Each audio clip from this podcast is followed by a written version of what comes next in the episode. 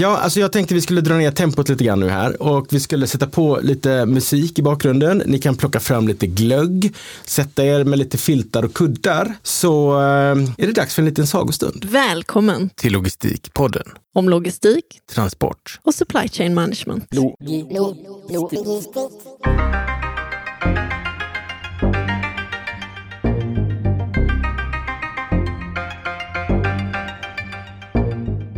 Varmt välkommen till Logistikpodden Magasin, nummer 51 i ordningen. Det är faktiskt åtta år sedan jag, utan att riktigt veta hur, startade en podcast om logistik. Nu har det gått åtta år och vi har producerat fler än 250 avsnitt. Idag består Logistikpodden av en fyra personer tung redaktion. Så det är jag och Nina och Tim och Jimmy som hjälper oss så att det ska eh, låta bra, se bra ut och att alla texter som följer med också ska bli eh, riktigt, riktigt vassa. Podden är något helt annat idag än när den startade för åtta år sedan i eh, min ryggsäck. Det där ska vi såklart fira och eh, det gör vi genom att lansera ett lite nytt koncept. Mer om det i slutet av det här avsnittet. I slutet av avsnittet får du också reda på vem som har vunnit våran tävling där man kunde vinna Nicolas Fernholms bok Handbok för oförutsägbarhet. Mer om det också i slutet av avsnittet. Innan dess ska vi eh, återbesöka våra avsnitt med Amr Mohammed och Sebastian Gibrand. Vad kan vi lära oss av en AI-expert och en av världens bästa kockar? Ganska mycket visar det sig. Så att eh, häng kvar för våra reflektioner om det där. Vi kommer också att prata om det här med blockchain. Är det en fluga? Kommer nu blockchain att dö ut eftersom den stora tjänsten Tradelens som har sponsrats av IBM och Maersk läggs ner? Det där kommer vi att prata om. Vi kommer också att lyssna på två helt världsunika sagor. Det ni. Häng kvar, för här kommer Logistikpodden Magasin nummer 51. Hej och varmt välkomna tillbaka. Det är december, mörkret har fallit utanför, men här är det lika mysigt och varmt som vanligt. Vad har du eh, hittat på PO sen vi såg sist? Ja, men det har ju hänt ganska mycket. Förra magasinet vi hade, det var ju ett litet specialmagasin där vi, där vi hade en inspelning från Logistik och Transport, där vi träffade Mats och Axel. Så att eh, vi hann ju liksom inte snacka eh, då, du och jag, så att det är ju ganska lång tid sedan vi har setts. Och på den tiden har ju jag hunnit med en massa och säkert du också. Eh, Jag har ju varit på Logistik och Transport och jag höll ju också ett föredrag där på eh, deras konferensscen. Eh, Sen har jag pratat på nationella ITS-konferensen, intelligenta transportsystem. Handlar mycket om hur man får in teknik i infrastrukturen och sådär. Eh, Så där pratade jag förra veckan. Känns som eh, dina två favoritämnen i ett tillfälle. Ja, ITS, jag har liksom ett, jag vet inte mitt förhållande till ITS. Det finns en definition på EU-nivå på vad ITS är och den är något av det snårigaste jag har sett. För den är full av sådana här reserverade ord. För det, den är resultatet av en, en multipartsförhandling, den här definitionen. Så den, är, den går inte att förstå. Så jag har skrivit om den till We use computers to make transportation better. Och det, det är liksom det jag tycker passar in under ITS då. Så där pratar jag. Eh, sen har jag haft gästföreläsningar, det vet jag du också har haft. Eh, varit på både Chalmers, Lunds tekniska högskola, KTH, Chalmers två gånger faktiskt till och med i olika kurser. Och det är ju så kul att få träffa studenterna igen, för det är alltid, tycker jag, ett dubbelt lärande. Eh, just när man får någon som kanske inte är lika innördad i ett område som man själv har hunnit bli, så ställer de alltid sådär, eh, väldigt bra frågor med nya ögon på eh, ett ämne. Eh, Och då får man ofta tänka till, vilket är fantastiskt bra, de där sakerna som man bara tar för givet eller har accepterat eh, för 20 år sedan. Eh, de liksom putsas upp och så får man liksom sträcka på sig lite igen och fundera ett varv till. Och eh, allt är lika roligt. Ja, och det här med frågor, det kommer vi återkomma till lite senare i, i dagens avsnitt utan att spoila för mycket. Men, men det, det kommer att bli en central del av vårt avsnitt kan jag lova, det här med frågor idag. Så att, eh, jo då, eh, vad är det mer som har hänt? Jo, vi har, jag jobbar ju på Enride, det känner väl alla till. Vi drog ju in en nätt liten summa på 500 miljoner dollar häromdagen. Så att, ja, eh, det, det, det borde väl räcka över jul och nyår i alla fall, tänker jag. Det räcker över jul och nyår. Eh, det, det, är otroligt imponerande. Jag har själv personligen inte varit med i processen runt det här utan det är, det är vår ledningsgrupp som har eh, dragit det här tunga lasset. Men att dra in så mycket pengar i eh, ett konjunkturläge där ingen annan får finansiering och där företag som jobbar inom automatisering av transportindustrin i princip tänker om och börjar göra massa annorlunda saker. Det är ju ett enormt styrkebesked. Så att väldigt, väldigt roligt tycker jag. Det är superimponerande. Ehm, det, det, det, krävs ju rätt så mycket, för eh, man kan själv tänka sig att även om man har riskkapital så ska man ju precis som alla andra, man vill satsa det på bästa oddsen eh, och eh, tänka till ordentligt. Så att det, det är väl verkligen ett styrkebesked. Ja, det, det är det definitivt. Och det är uppdelat på 200 miljoner dollar är equity, alltså de har köpt in sig som delägare i bolaget. Eh, och 300 miljoner dollar är debt financing, vilket betyder i princip att de är med och finansierar eh, vår expansion. För vi behöver ju köpa väldigt, väldigt många lastbilar för att kunna växa som vi vill. Eh, så att det här är en ganska ny typ av, eh, ny typ av investeringsmetod kan man säga. Och det här är den största i sitt slag inom vårt segment, så att vi är väldigt, väldigt taggade på detta. Det förstår jag. Det, man kan väl säga att de fick sin eh, utdelning på julklapparna eh, rätt så tidigt. ja, så att eh, nej, så, eh, det, det, är hög stämning här. Jag, vi ska också säga då, för det händer mycket nu och vi kommer att prata om ganska aktuella saker, att det är den 9 december när vi spelar in detta. Eh, det är den 22 december när vi publicerar det här avsnittet och vi kommer att prata om en del ganska hyperaktuella saker så att det kan vara old news det vi säger. Men eh, som det är nu för oss så är det rykande färska saker vi pratar om. Och vi har ju pratat en massa om eh, på olika ställen, men också just det här glädjen över att möta människor tycker jag är fantastiskt. Eh, man märkte det på logistik och transport till exempel. Folk är väldigt, väldigt glada över att ses. Alltså någonting som kanske har blivit lite en vana när det sker oftast är någonting som man nu ser fram emot. Eh, när man inte har setts på ett tag och man brukar träffas så eh, otroligt eh, härlig energi. Eh, och jag tror det behövs extra mycket så här när det är lite mörkt och eh, murrigt utanför. Ja, definitivt. Och ehm, eh, något som också har hänt det är ju att Logistikpodden har blivit åtta år. Eh, I förrgår, då, den 7 december, så var det eh, åtta år sedan det första avsnittet eh, publicerades. Och eh, ja, det har ju varit en eh, rätt cool resa, eller vad säger du Nina? Ja, åtta år är ju helt sjukt. Alltså, i, I andra sammanhang kan kanske åtta år inte vara så där jättemycket, men om man tänker på hur många vi haft förmånen att intervjua så där, så är det ju mer än 250 avsnitt som ligger ute nu. Och det är eh, jag otroligt stolt över. Det är sånt kunskapskapital som inte bara vi har fått lära oss en massa av, utan också haft möjligheten att dela eh, med andra. Så att det är häftigt. Det har ju hänt väldigt mycket inom branschen också på de här åtta åren. Så att eh, på det sättet är det också en liten tidsresa när man tittar tillbaka och, och funderar på vad man pratar om då, vad man har pratat om under den här tiden. Och, och nu när vi fyllde åtta år så hade vi en liten lansering. Vi lanserade en, en nyhet som vi har jobbat på ganska länge. Så att eh, mer om den om du hänger kvar eh, i slutet av avsnittet så lovar jag att det kommer du bli belönad för. Och vi vill såklart fira med dig och eh, det är det som vi har hittat ett sätt, tror vi, som eh, kan vara väldigt eh, spännande och kul. Men sen sist då, eh, vi har ju som sagt var setts fysiskt, rent du och jag, eh, med logistik och transport, men vi har också haft en massa spännande avsnitt som handlar om eh, andra saker, bland annat eh, AI. Precis, Amer Mohammed som eh, jag intervjuade, som du inte har träffat innan, Eh, är ju en naturkraft, eh, minst sagt kan man väl säga. Han är eh, själva definitionen på vad jag brukar kalla förändringsagent, det vill säga ett rum är inte likadant när han går därifrån som när han kom in. Och eh, det, det, är ganska stora förändringar han brukar föra med sig i de organisationer han, han eh, är i.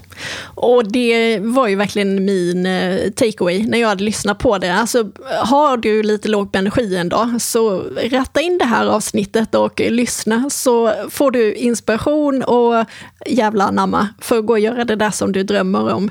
För väldigt mycket handlar just om verksamhetsutveckling, att våga drömma stort, att våga bryta mönster, hur man tar sig an någonting som man kanske har gjort på samma sätt eh, ett bra tag och eh, vad som krävs för det. Och också lite tror jag som han påpekade att att gå in med inställningen att man inte har någonting att förlora, utan på något sätt, skulle det här misslyckas eller inte bli väl mottaget, ja, då finns det andra som vill ha hjälp istället. Eh, det tror jag också faktiskt är en väldig eh, styrka.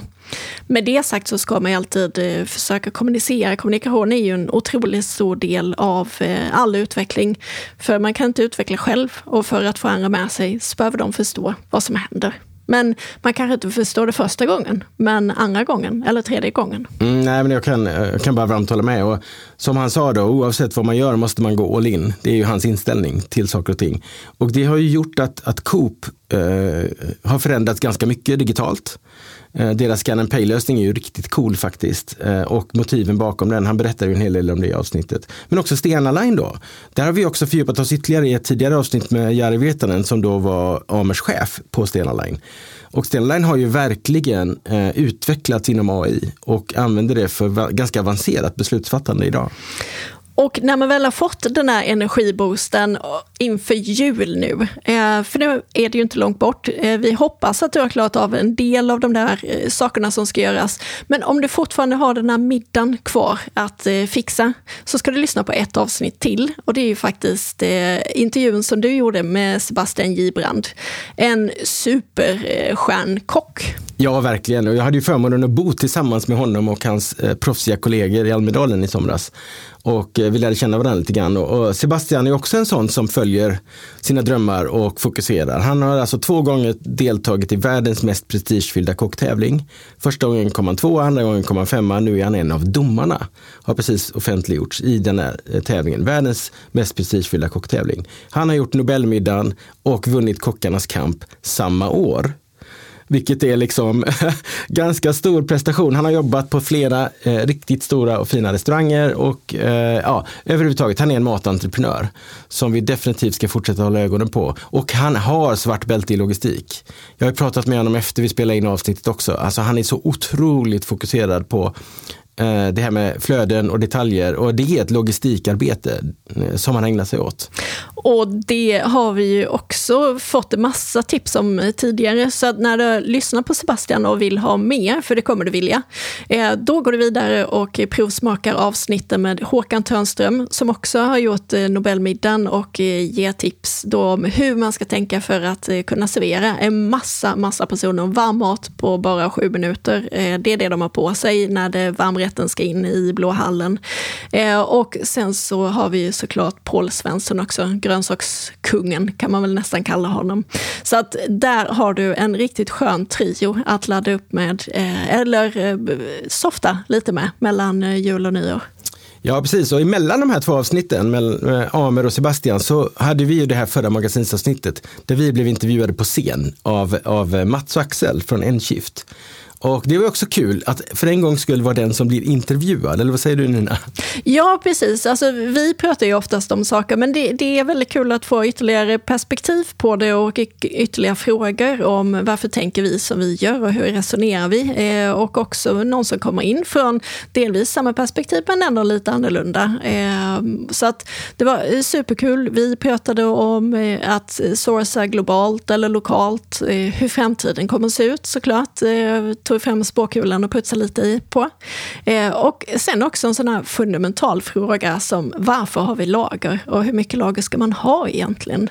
Så att där finns också, eh, tyckte vi, var fantastiskt kul samtal och eh, vi tror att alla logistikintresserade hittar någonting där också att eh, fördjupa sig i. Och för er som undrar hur många lager man ska ha så är svaret fem.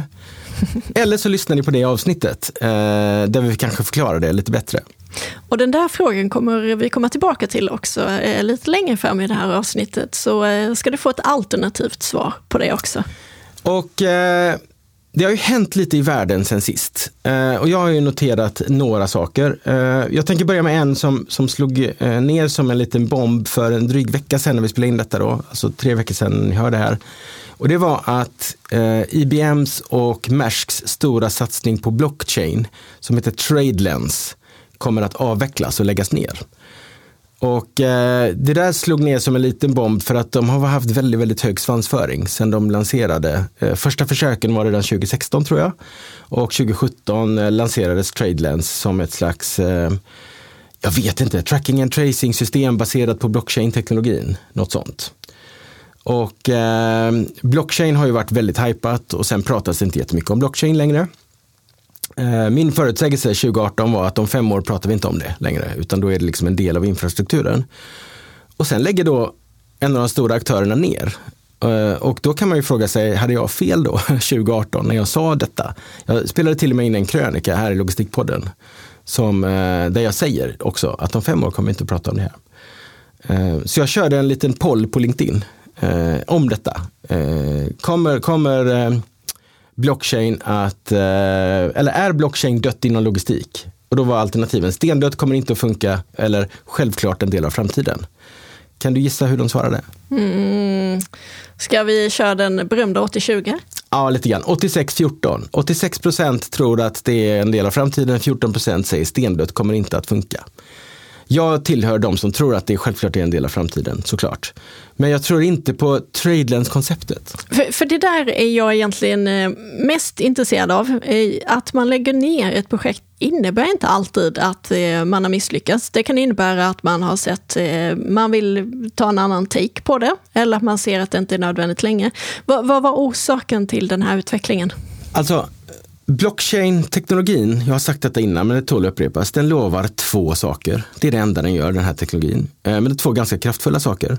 Den ena är att den lovar det man kallar immutability, det vill säga det du skriver in i en tabell kommer alltid att stå kvar, går inte att ändra på, går inte att ta bort.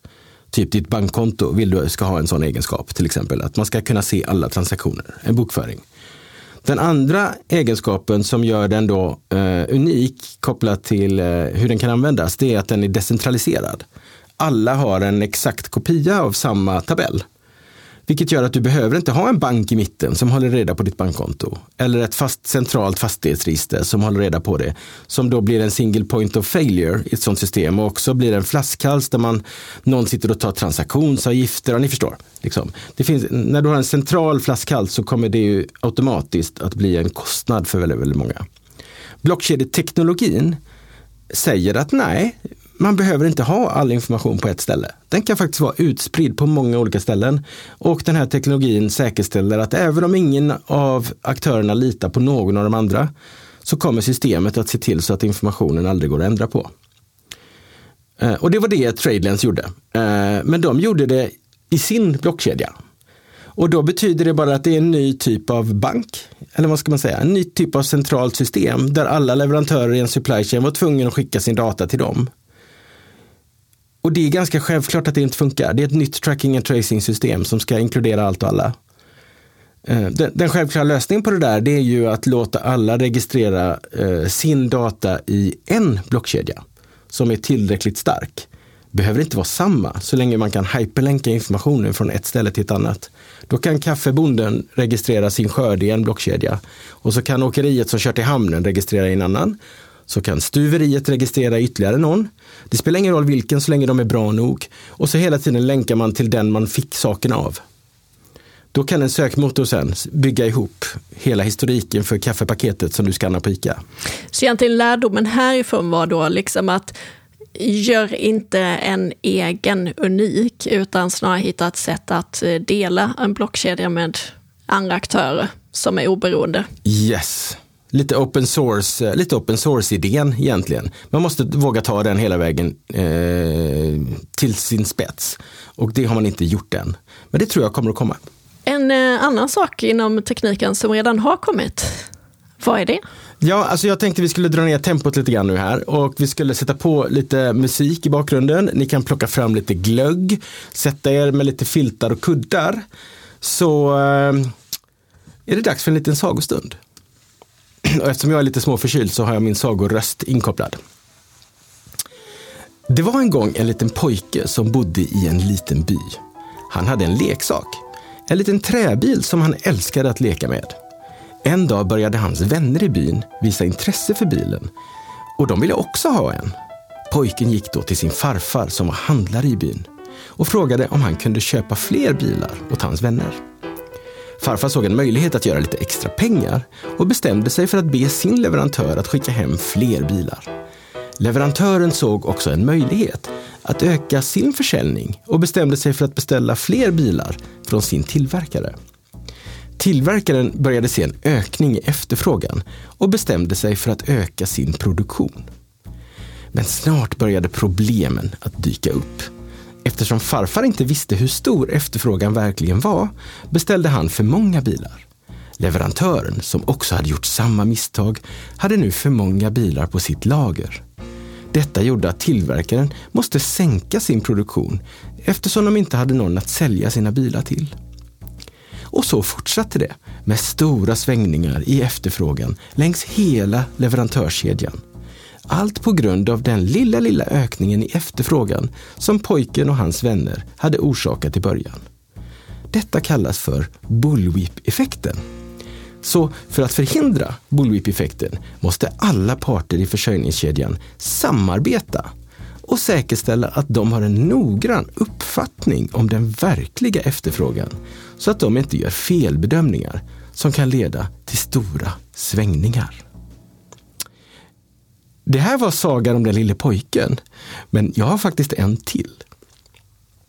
Så kura ner er så kommer saga nummer två. En gång fanns det en mäklare som skulle försöka sälja sitt hem. Han hade hört talas om en mytisk effekt som kallas bullwhip-effekten.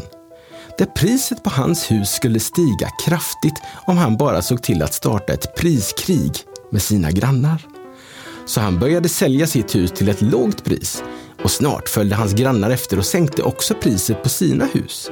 Mäklaren blev mycket nöjd och trodde att han hade full kontroll över den här situationen. Men plötsligt vände det. Eftersom priserna hade sjunkit så mycket började folk tappa intresset för att köpa hus i området. Då minskade efterfrågan på husen och mäklaren insåg att hans hus nu var värt mycket mindre än vad han hade förväntat sig från början. Bullwhip-effekten hade slagit till. Mäklaren lärde sig en läxa. Att försöka manipulera marknaden kan leda till oväntade konsekvenser. Och han bestämde sig istället för att fokusera på att erbjuda ett bra hus till ett rimligt pris så att han kunde sälja det utan att bli drabbad av bullwhip-effekten. Och för de som nu sitter sådär skönt nedkurade och vill ha nästa saga, var hittar man den? Nästa grej är faktiskt en limerick. There once was a man named Dan whose supply chain was not in plan. His demand grew so fast his inventory did not last and the bullwhip effect began. Alla de här tre sagorna, eller limericken och de två sagorna här, Eh, är skrivna på cirka 10 sekunder. Av en eh, eh, alldeles ny man kallar det för en conversation engine som heter ChatGPT. Och många av er har säkert talat om den där. Eh, den exploderade eh, och det var därför vi också sa vilken dag det var. Eh, för den exploderade för ungefär en vecka sedan. Eh, nu när vi spelar in det här. Och den fick en miljon användare på fem dagar, vilket är väldigt, väldigt snabbt. Och eh, vad den gör är att du skriver in eh, en fråga eller en text. Den första frågan jag skrev in var eh, förklara bullwhip-effekten genom att berätta en saga. Och sen gjorde jag det två gånger och fick de här två helt olika sagorna. I den andra skrev jag förklara bullwhip-effekten med en limerick och fick en limerick som förklarade bullwhip-effekten. Jag hade lika gärna kunnat säga förklara bullwhip-effekten med en Monty Python-sketch och då hade jag fått en Monty Python-sketch på riktigt som eh, med eh, punchlines och allting kopplat till. Eh, den här eh, ChatGPT som är en conversation engine, varför berättar vi om den i en logistikpodd? Jo, tänk dig att du har en lärobok som är oändligt stor, som hela tiden anpassar sig efter det du vill höra eller det du behöver höra, som kan förklara om varje sak hur många gånger som helst tills att du har förstått det, som du kan konversera med och ställa frågor till och som eh, hela tiden kan följa dig i ditt lärande. Det är vad vi nu ser framför oss. Och den här utvecklingen var det ingen som såg, eller väldigt få som såg, bara för sex månader sedan. Och den har helt och hållet ställt eh, stora delar av utbildningssystemet på ända på bara några dagar. Och det här är bara början. Vad är din take på detta, Nina? Nej, men jag var ju tvungen att, att testa lite eh, och då kommer vi tillbaka till frågan som jag hade i början. Hur stort lager bör man ha? Eh, det var jag ju tvungen att fråga. Eh, det är ju en fråga som många tänker på. Och svaret jag fick då var, det beror på vilken typ av företag jag har, hur stor marknad jag har, lagomsättningshastighet och strategi. Och därför så är det viktigt att fråga en expert som kan hjälpa till att balansera de här olika delarna. Eh, så, eh, och då kunde jag ju inte annat än att ställa lite andra frågor också. Så att jag frågade vilka kläder jag skulle ta på mig idag. Eh, och då svarade den också att det beror på vad jag ska göra och vilket väder det är. Men jeans och t-shirt är ofta ett bra val om man är osäker.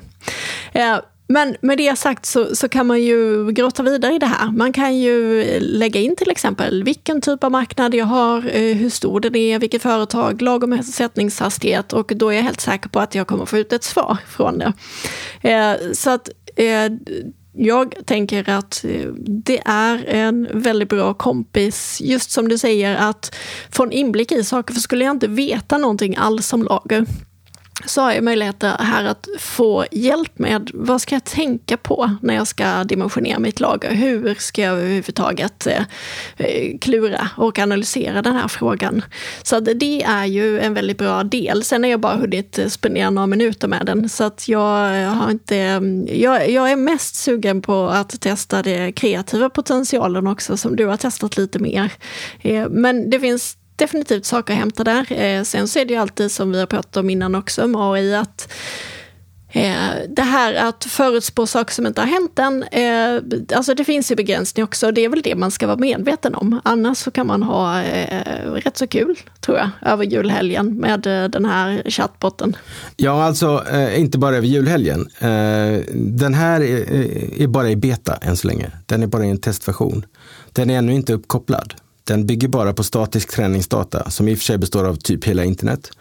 Men den, den eh, tänk dig när den blir uppkopplad och man kan koppla ihop den med andra teknologier, talsyntes, röstsyntes och så vidare, som gör att du kan prata med den och få en vettig konversation. För den, den ger dig faktiskt vettiga svar på de allra flesta frågor du ställer. Så att det här är helt mindblowing. Eh, den kan skriva programkod åt dig. Det du säger, skriv ett Python-program som gör detta, så gör den det. Eh, så det, och just den kreativa eh, eh, elementet i den gör ju att den blir en enorm sparringpartner till alla som vill skriva kreativt. Och vissa yrken kommer att försvinna som ett resultat av detta. journalist, alltså att bara rapportera om en händelse där data redan finns tillgängligt. Det görs redan med sportartiklar idag. Det kommer att göras med fler och fler artiklar. Och vi kommer att se att det finns ett annat behov för människor då i det här systemet. Och jag, jag, refererar till, det är alltid kul att komma med lite litterära referenser. Neil Stevenson är ju en av världens mest framgångsrika science fiction-författare och han skriver ju en bok vart fjärde år och sånt här. Väldigt mycket research och otroligt bra böcker. Han skrev på 90-talet en bok som heter The Diamond Age or A Young Ladies Illustrated Primer. Den utspelar sig i framtiden eh, och huvudpersonen som heter Nell är en ung, eh, fyra år gammal fattig flicka och hon får tag på en bok som då eh, hennes bror har stulit från någon rik familj. Och den här boken är en bok som har precis de här egenskaperna. Den börjar med att berätta sagor för henne. Eh, där hon är med Eh, och det finns en massa andra karaktärer i de här sagorna. Och hon blir helt uppslukad av den här boken och allt eftersom hon växer så ändras sagornas karaktär i den här boken. Boken finns till för att i princip uppfostra henne, eh, kan man säga, i den här eh, i den här världen då som är ganska så, vad ska man säga, den är, den är väldigt högteknologisk, bygger mycket på nanoteknologi, det är det han utforskar i den där. Och den här boken gör att hon sen eh, gör en enorm karriär kan man väl säga. Hon tar över en stor del av den här världen när hon blir vuxen sen. Tack vare att hon har haft den här boken som då inte bara har lärt henne allt hon behöver veta utan boken har också lärt sig om henne och därmed kan utmana henne och ge henne ännu större utvecklingspotential. Och det är precis det vi ser här nu. Alltså, det var science fiction då för 25 år sedan. Eh, och nu ser vi att nu börjar det komma verktyg som på allvar kan uppgradera människor på ett sätt som vi tidigare inte ens har kunnat föreställa oss. Så att eh, det, det, här ska vi eh, följa. Och eh, det, jag vet att det finns en podd där ute som är gjord av en AI som röstsyntetiserar döda kända personer som pratar med varandra. Och allting är genererat av AI. Musiken du hörde i bakgrunden när jag berättade sagorna är skriven av en AI. eh, också och jag lägger länk till den. Så att eh, kreativa yrken, det har hänt en del. Och eh, det här med att man inte alltid kan förutse framtiden, eh, det har ju någon annan skrivit en bok om också och då tänker jag på en tidigare gäst hos oss, Niklas Fernholm. Han har skrivit boken Handbok för oförutsägbarhet och vi lovade ju att vi skulle eh, lotta ut, eller ja, eh, ha en tävling helt enkelt, där man kunde vinna ett signerat ex av hans bok. Och eh, da, da, da, da, vi har nu en vinnare. Och vem är det, P.O.? Det är Joakim Guldbrand så att, eh, från Växjö. Grattis, du har vunnit en bok. Och, och vi gav ju eh, i uppgift att man skulle svara på två frågor. Den första frågan är, vilken situation i din vardag känner du skulle behöva lite mer struktur och den här boken? Och eh, vad svarar han på den? Där sa Joakim att en morgonrutin som gav honom lite skönare månader när han skulle lämna sin son på förskolan, det var det han eh, längtade allra mest efter. Och sen hade vi ju såklart en fråga till och det var ju eh, varför man lyssnar på Logistikpodden. Och vad svarar han på det? Han hade bestämt sig för ett halvår sedan att byta karriär från försäkringsbranschen där han arbetar idag till något inom logistik. Och eh, det är därför han lyssnar på Logistikpodden. Han är sugen på att, att eh, smaka av eh, logistikbranschen. Och precis som andra som letar inspiration i vår podd så blir ju vi otroligt stolta och glada över det. Så att stort eh, tack för Joakim för att du lyssnar på podden och alla ni andra också. Och eh, stort grattis också. Det kommer en eh, bok som en liten julklapp till dig. Men vi har ju inte bara det att fira, utan precis som vi sa i början så har vi ju fyllt åtta år. Och eh, det kommer vi att fira med några så kallade kunskapsbooster. Vi har ibland fått frågan om, kan inte ni hålla en kurs eller kan inte ni göra det? Och då har vi tänkt, vad är bättre sätt än att faktiskt skapa kunskap genom att eh, kurera så att ni får ett eh, samlat gäng avsnitt om ett område där ni kan höra olika vinklingar från olika typer av aktörer och eh, få en massa kunskap inom det här området. Och, och eh, det första kommer redan om två veckor. Eh, och det kommer att handla om AI. Och eh, strukturen på de här är väldigt enkel. Vi spelar in ett kort introduktionsavsnitt där vi säger att nu har vi ett område om artificiell intelligens eh, och lite kort om det. Och sen har vi samlat en spellista kan man väl säga egentligen av de viktigaste avsnitten från Logistikpodden eh, där du kan få då lite olika perspektiv på just det här med till exempel AI. Och om ytterligare två veckor fram så kommer vi med cirkulär eh, logistik. Så att det här är två områden där vi har material som ungefär är sju till åtta timmar eh, samlat i ett antal olika avsnitt och som kommer att ge er en rejäl kunskapsboost och inspirationsinjektion. Så antingen om du letar efter inspiration och kunskap eller om du vet någon så tipsa som sagt var, eh, det här ser vi verkligen fram emot att eh, få dela just eh, koncentrerade avsnitt inom ett eh, ämne. Och eh, det här med att skapa en massa eh, nya insikter och kunskap eh, tycker vi är superkul och vi tycker att det är extra kul när vi får möjligheten att samarbeta med andra parter som vill uppnå samma som oss. Så har du några tankar om att du skulle vilja nå ut till en målgrupp som består av logistikintresserade, där det kryddas av både företagsledningar, konsulter och framtida arbetstagare i form av studenter, så hör jättegärna av dig till oss på hejlogistikpodden.se så eh, pratar vi om vi kan eh, skapa eh, något fantastiskt med våra kombinationen av våra drömmar helt enkelt. Mm, man kan ju se efter åtta år som, som vi har hållit på med det här hur eh, poddlyssnandet ser ut. Och eh, såklart, så fort vi släpper ett avsnitt så är det x antal hundra som lyssnar på det med en gång. Eh, men sen fortsätter folk att lyssna på ett poddavsnitt. Så att jag brukar jämföra det med om, om, låt säga att ni arrangerar en konferens, ett företagsevent och så bjuder ni in eh, kunder och andra eh, som ni tror vill höra på ert budskap. Eh, på samma sätt kan man se med ett poddavsnitt där vi då bjuder in eh, och under 90 dagar når vi 1000 pers med varje avsnitt, ungefär, något sånt. Och sen fortsätter det, så även avsnitten som är 7-8 år gamla kommer fortfarande eh, att dra ny lyssnarstatistik. Och det där, eh, när man ser det ur det perspektivet så är det ganska imponerande hur ett media kan nå ut till så många. Ja, det är ju häftigt om man arrangerar en konferens och får eh, 300 besökare eh, inom, som är intresserade av precis det här området. Då ska man ju vara jättenöjd.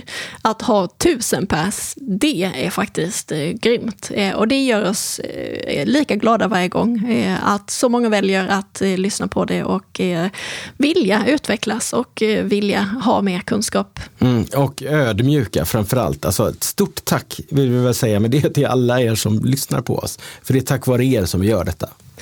Och med det så vill vi också såklart säga eh, god jul. Vi hoppas att ni alla får möjlighet att mysa antingen med chattbotten eller familjen och eh, andra.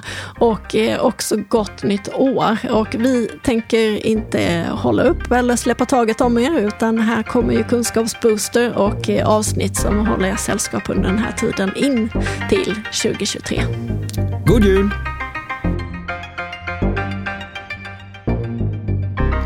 Varmt tack för att du har valt att lyssna på Logistikpodden.